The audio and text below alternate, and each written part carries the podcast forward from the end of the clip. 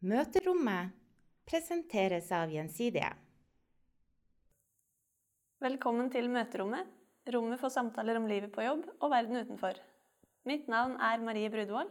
Og jeg heter Line Marcelius. Dette er episode nummer fire, spilt inn 5.6.2018.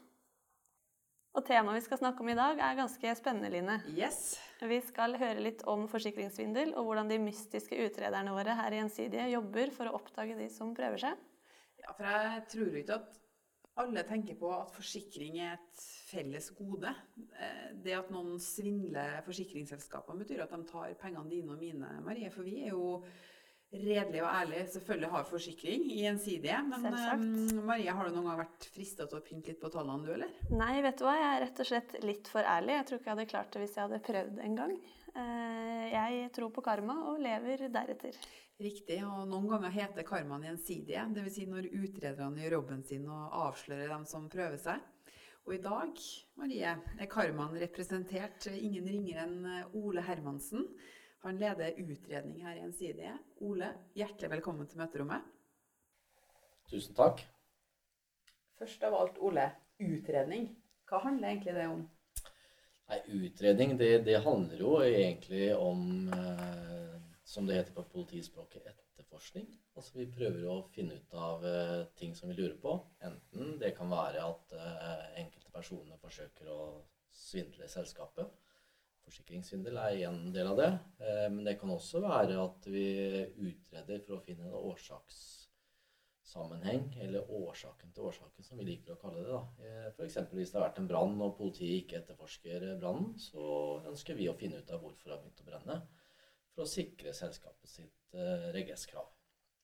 Hva er det som trigger deg i den jobben her? Eh, Eller hvordan, hvordan havna du inne i utredermiljøet? Sånn, Ja, eh, jeg er jo politimann. eh, Det var det jeg begynte å jobbe som. Eh, Det var kanskje ikke det som var den store drømmen da jeg begynte å jobbe, men det var en av de tinga som jeg så for meg at det kunne være spennende.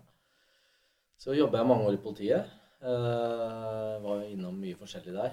Uh, Og så tenkte jeg kanskje jeg kunne prøve noen av de erfaringene og kompetansen jeg hadde utenfor eh, etaten. da.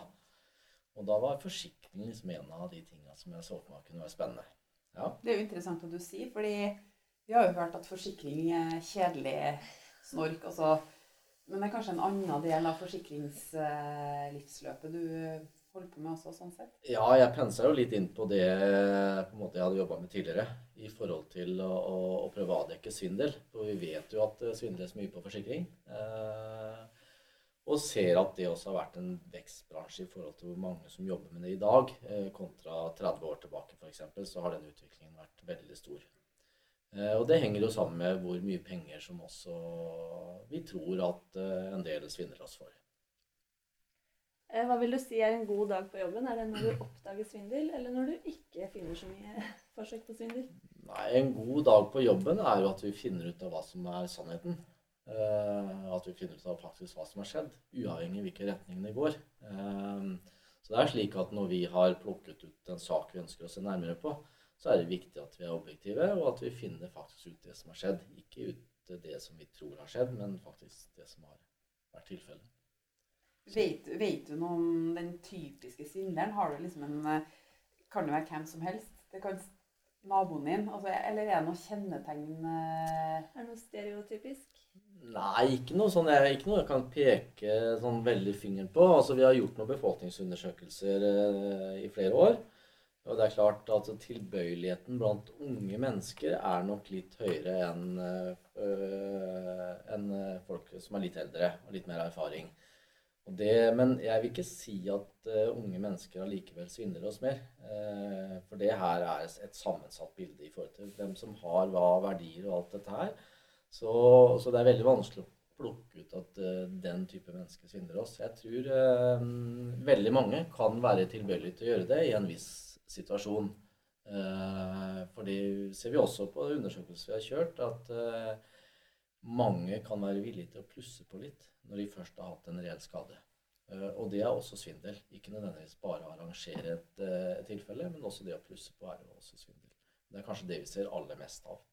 Vi snakka litt innledningsvis Marie, om det, den fellespotten som forsikring jo tross alt er. Mm. Hvorfor tror du det er så lav terskel for å pynte litt på tallene? Altså, Er ikke folk bevisst nok på at det faktisk er et felles gode det å ha forsikring? Eller være med i Ja.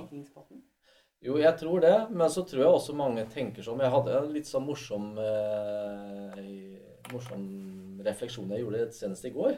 Eh, for da var jeg på padlekurs.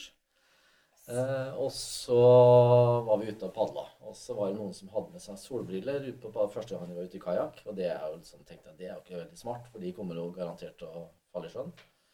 Eh, og det, han ene mista jo solbrillene sine, selvfølgelig. Eh, og så når vi var ferdig da med det padlekurset, så sier hun igjen ja, men du kan jo ta de på forsikringa di, eh, sier de. Eh, det er sikkert dekka i en eller annen reisefritidsforsikring, og det er det helt sikkert. Eh, eh, og, men da kommenterer da kjæresten til han som har mista solen ja, for da får vi noe igjen for alle de pengene vi har betalt inn Ja. i alle årene. ikke sant? Og det er litt den derre Det er nok det første som slår veldig mange. Altså, ja, vi har betalt inn så mye penger i så mange år, så det er kanskje greit å få noe tilbake.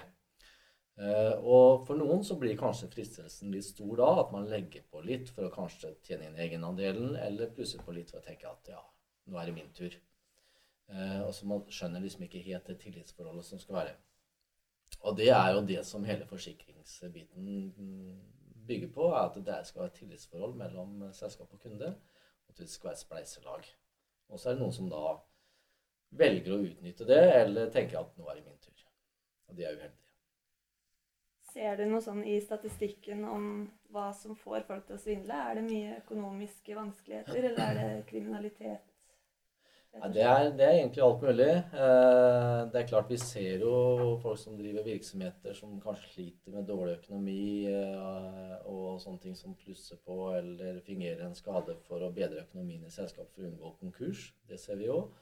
Vi ser også mennesker som på en måte er i en vanskelig livssituasjon. eh, som på en måte ønsker å skaffe penger på bakgrunn av det. Kanskje har en dyr båt eller en dyr bil som de ikke får solgt og blir kvitt eh, som de da må gjøre et eller annet. Eh, Men de aller, aller fleste er nok eh, hvermannsen som på en måte har en reell skade, og som velger da å, å plusse på noe eller utnytte det reelle tilfellet. Typisk kan være et hus som har brent, hvor man da kanskje har påført en del mer innbo enn det man faktisk hadde. Eh, tall, altså hvor mye, hvor mye svindler man for? Altså, det ene er jo sikkert en totalpott for alle forsikringsselskapene. Men ser dere noe trekk i små beløp, store beløp, typiske produkter man eh, svindler mer knytta til enn andre? Ja, det er klart frekvensskadene, eller de små skadene, typisk reiseskader og sånne ting, det er jo det det svindles mest på. Eh, Det er, eh, det er det de aller fleste er borte eller kanskje vært utsatt for i en eller annen, eh, en eller annen sammenheng. Men det er jo ikke der de store beløpene ligger. Men det er klart antallet volummessig er nok størst der. Så, så er det bil er det ofte en gjenganger. Bil og båt er jo en del ting som på en måte veldig mange har et forhold til, og som også skifter hendene med jevne mellomrom, som, som mange prøver å utnytte. Eh, De litt større skadene er nok mer sjeldne, men det er klart det er betydelig mer volum i forhold til kroner og øre. Har du noen sånne eksempler på svindelhistorier som du kan dele? Ja, det, det har jo blitt noen eh, opp gjennom årene, og det, det er klart altså det er eh, Vi hadde en, en morsom historie mange år tilbake den da, men den er veldig artig allikevel, fordi det var en som hadde, hadde en hund som, som eh, ulykkelig omkom, eh, og som han da gjerne ville ha en erstatning for. Eh, Men han hadde ikke forsikring, så han han var litt snar og la den hunden i fryseboksen. Og så tegna han forsikring, eller kjøpte forsikring. Og så drøya han en stund, og så plasserte han den hunden på en skinnegang. Og så kom toget og kjørte på I alle dager. Det var kreativt. Ja, det var ganske kreativt og litt morsomt. Eh, Det som eh, avslørte han, var jo at han, eh, han lokføreren som så den hunden Han sto Han sa jo, han beskrev jo den hunden som helt Stifrossen, Og, og, og det var den jo også. Han flytta seg ikke når toget kom, for den var jo frossen og sto, sto der, den. Så det, så det var litt artig. Eh, Folk, folk er ærlige da, når de blir eh, Ja. Så har vi hatt eh, Det var en annen enn det, litt annen type sak. Det var jo en Det var et par som skulle gifte seg.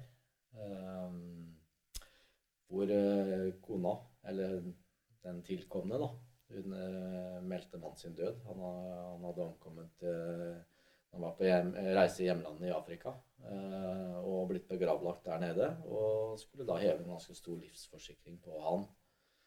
Eh, var, vi fatta liksom ikke helt lit til den forklaringa og begynte å undersøke litt mer. Og vi sto, var så langt på vei at vi hadde tenkt å åpne grava i Afrika, for vi trodde ikke han var død. Eh, og da kom også tilsåsen. Ja. Da satt han i Lisboa og venta på at de skulle få utbetalt livsforsikringen, og så skulle de gifte seg der og bosette seg i Portugal. Det var liksom planen. Eh, funka ikke helt. Det funka ikke helt. Folk, eh, folk, gjør mye rart, men eh, ja. hvordan metoder Det er sikkert du kan gå inn i detaljer. Vi vil jo mm. ikke ha noen sånn tips til hva du ikke skal gjøre, men Nei. hvordan metoder har dere sånn i grove trekk for å avdekke svindel?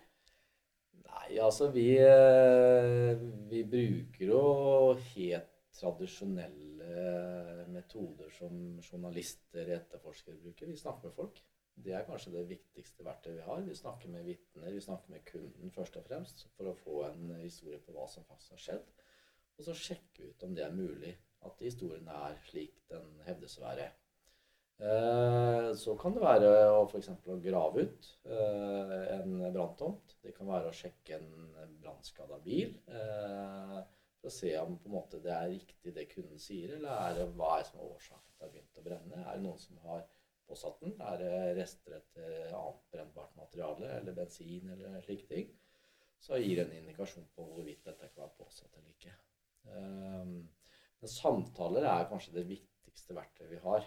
Uh, vi bruker også åpne kilder, vi bruker Facebook en del. Vi bruker andre kilder på, på nettet som vi finner, for å sammenstille informasjon. Da. Til sammen så vil vi sitte igjen med kanskje en, en, en retning på hvor dette her går hender. Vet kunden alltid at de blir etterforska? Eh, ja, det, det, gjør det. det gjør det. Eh, vi varsler alltid kunden om at vi har en utredning. Men det, det er litt avhengig av når vi gjør det i, i, forhold til eh, det taktiske, og i forhold til hvordan vi opptrer i forhold til hvis det, skal være, hvis det er en politisak i, i tillegg. Så, så, varsler vi alle kunden før at vi vet at politiet er ferdig med sin etterforskning, sånn at vi ikke ødelegger noe for dem. Men det er klart, eh, kunden blir alltid varsla om man har blitt utreda. Og, og i de aller, aller fleste tilfeller så snakker vi ganske tidlig med kunden, så de skjønner at denne saken er hos oss. Det har liksom sett for meg at uh, utredning av svindel handler om sånn Operasjon Charlie, dekknavn uh, Herman Olesen. ja. altså det er litt sånn i, lys av at du har politibakgrunn. Mm. Er det bildet er det helt feil, eller har dere litt sånn Det er kanskje ikke alltid dere må, kan gå ut med ja, ting dere vet, eller nei, men uh, vi, vi, er noe sånn at uh, alt, vi, vi skal, alt, det vi gjør, skal tåle dagens lys. Altså alt det vi gjør, skal kunne tåle å stå på forsiden av VG. Det er liksom leveregelen vår. og så har vi jo personvernhensynet å ivareta. og det er en del klare regler der i forhold til hvordan vi skal opptre. I forhold til kunden og varsle og innsynet og hele den biten, som er viktig at vi følger. Så, så det er klart det er stor grad av åpenhet av det vi driver med. Altså det er ingen metoder som vi sier at, som er hemmelig. Eh, vi kan også gå til det skrittet å på en måte filme kunder. Det har vi gjort i noen tilfeller, men det er ytterst, ytterst eh, sjelden at vi gjør det. Men det er klart, i visse tilfeller så kan det skje. Men det også får kunden da greie på eh, i ettertid, og får muligheten til å se det som er eh, tatt opp. Mm. Det var nytt for meg egentlig det, hvor åpne dere er. for jeg tror mm iallfall mange av dem som hører på, som jobber i en side, jeg syns det er en sånn mystisk, eh, mystisk greie. Men når det gjelder det med videofilming, så har vi jo eh, vært litt i altså hardt vær, da, men mm. Datatilsynet var jo på oss eh, for eh, noen år siden. hvor mye skal egentlig til da, før vi kan dra ut eh, på en sånn type spaning og bruke videokamera? Mm den lista ligger veldig høyt. Mm. Eh, og den ligger nok enda høyere i dag enn det han gjorde for fem år tilbake, når vi hadde tilsyn. Og hvor det var en, eh, hvor det var en, eh, en ja, Kall en kamp mellom Datatilsynet og oss da, på hvorvidt de hadde lov til å gjøre det eller ikke. Uh, hvor vi landa på at det har vi faktisk lov til å gjøre. Eh, men, men, vi har lagt lista betydelig høyere likevel, og det er jo fordi Eh, for det første så er det veldig krevende sånn ressursmessig sett å gjøre det. Eh, og så er det ganske inngripende eh, overfor kunden. Og så prøver vi å gjøre alt mulig vi kan ellers for å dokumentere oss saken best mulig, sånn at vi slipper å gjøre det. Nettopp av hensyn til at det er omdømmemessig ganske krevende, men det er også krevende i forhold til kunden. Eh, men hvis det ikke er noen annen utvei, så velger vi å gjøre det. Eh, men veldig få saker eh, hvor vi går til det skrittet å filme kunden. Er det her noen dere diskuterer med andre selskap? Sånn type metoder? Ja da, det, det, gjør vi jo. Og vi har en sånn bransjenorm som vi legger oss på. Så vi er veldig opptatt av at eh, alle selskapene skal legge seg på samme linje i forhold til eh, hvor går grensene for hva man kan gjøre. F.eks. er det lov til å filme inn på privat eiendom? Uh, eller skal vi bare filme i det offentlige rom osv.? Vi har ikke lov til å montere opp kamera og overvåke kunden, for veldig mange kaller det her videoovervåking. Det er kun det vi ser da med egne øyne, som vi kan dokumentere opp i ettertid. Eh, og vi filmer ikke inn på private eiendommer og, og sånne ting. Det gjør vi. Eh, så, og det er jeg veldig opptatt av, at hele bransjen på en måte følger samme normen. fordi skulle Gjensidige gjøre noe feil, så går det like mye utover Trygg eller GIF som, som omvendt. Så jeg er veldig opptatt av at vi er omforente og hvordan dette her skal foregå. Nå kommer det jo nye personvernlover, GDPR, som sikkert mm. veldig mange har hørt om. Mm. Har det noen innvirkning på måten dere jobber på? Eh, det har ikke noe stor innvirkning på hvordan vi jobber i dag, for vi følger de reglene allerede i dag. Eh, og, gjorde det innretta og stramma inn ganske mye etter det tilsynet vi hadde for noen år siden. Eh, som var veldig mye læring i. Så det kom også veldig mye godt ut av det tilsynet, sånn sett. Og vi har bygd nytt saksbehandlingssystem som på en måte ivaretar mye av det. Men det er klart, det gjør, det gjør noe med det at vi blir enda mer bevisste, og handlingsrommet blir enda strammere i forhold til det. Vi kan gjøre akkurat det samme, men mye mer bevisst på når og hvordan vi bruker det. Eh, nettopp fordi, eh, fordi at alt skal være på en måte transparent etter, etterpå. Eh, sånn helt til slutt, hvordan tror du fremtiden ser ut? Ser du noen tendenser i statistikken? Blir det lettere eller vanskeligere å svindle? Lettere å oppdage? Eller kan du spå litt? ja, altså Litt sånn Det er veldig store mørketall. Eh, så det er litt sånn eh, Det blir litt sånn i forhold til ballongen. Litt avhengig av hvor vi skviser inn, så tyter det ut i andre enden. Men vi er litt heldige her oppe i Norden da, at vi det har en tendens til å skje ute i Europa før vi kommer hit. Eh, så noen ganger så kan vi se litt inn i glasskula og se at eh, det er ting som foregår der ute, som har en tendens til å smitte opp på oss etter hvert.